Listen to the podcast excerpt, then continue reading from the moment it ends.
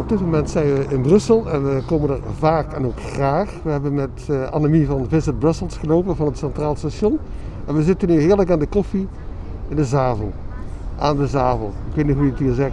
Annemie, het is coronatijd en Brussel doet daar iets aan. Visit Brussels, maar ook de gemeente Brussel. Hè? Hoe zit dat? Ja, eigenlijk niet, niet alleen de gemeente Brussel, de hele, hele regio, het hele gewest. Heeft um, ruim, ruim een maand, anderhalve maand geleden, zijn er een heleboel steunfondsen eigenlijk um, opgezet.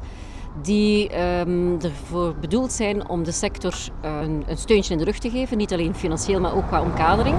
En er zijn zo'n aantal fondsen, waaronder het, het Hygiëne- en Beschermingsfonds waar bedrijven en organisaties, hotels, cafés, musea ook, die zich richten op culturele en toeristische aanbod van Brussel. Daar kunnen zij op uh, terugvallen voor het installeren van alle nodige hygiëne- en beschermingsmaatregelen die de overheid oplegt. Dat gaat van schoonmaken, de tafeltjes en de stoelen waar dat de bezoekers op gaan zitten, maar ook het materiaal dat achter de schermen gebruikt wordt. Het gaat over signalisatie die nodig is, dat de mensen heel goed weten, ik, ik kom dit gebouw, dit museum langs hier binnen en ik moet er langs daar weer buiten. De rondleidingen zijn aangepast. Dus al die, al die, op al die facetten is, is gedacht en kunnen, kunnen ze dus op steun rekenen vanuit, vanuit het gewest. De hotels kunnen een certificatie krijgen. Ze kunnen een hygiënelabel. Verdienen is het niet, maar ze moeten, het, moeten, het, moeten uh, beantwoorden een aantal criteria.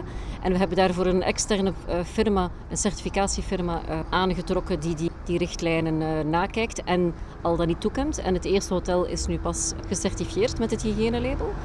En dan daarnaast is er um, een fonds dat gaat over alles wat dat uh, touchless of contactloos gaat eigenlijk. Dat gaat niet alleen over contactloos betalen dat gestimuleerd wordt en dat eigenlijk als eerste aangeboden wordt.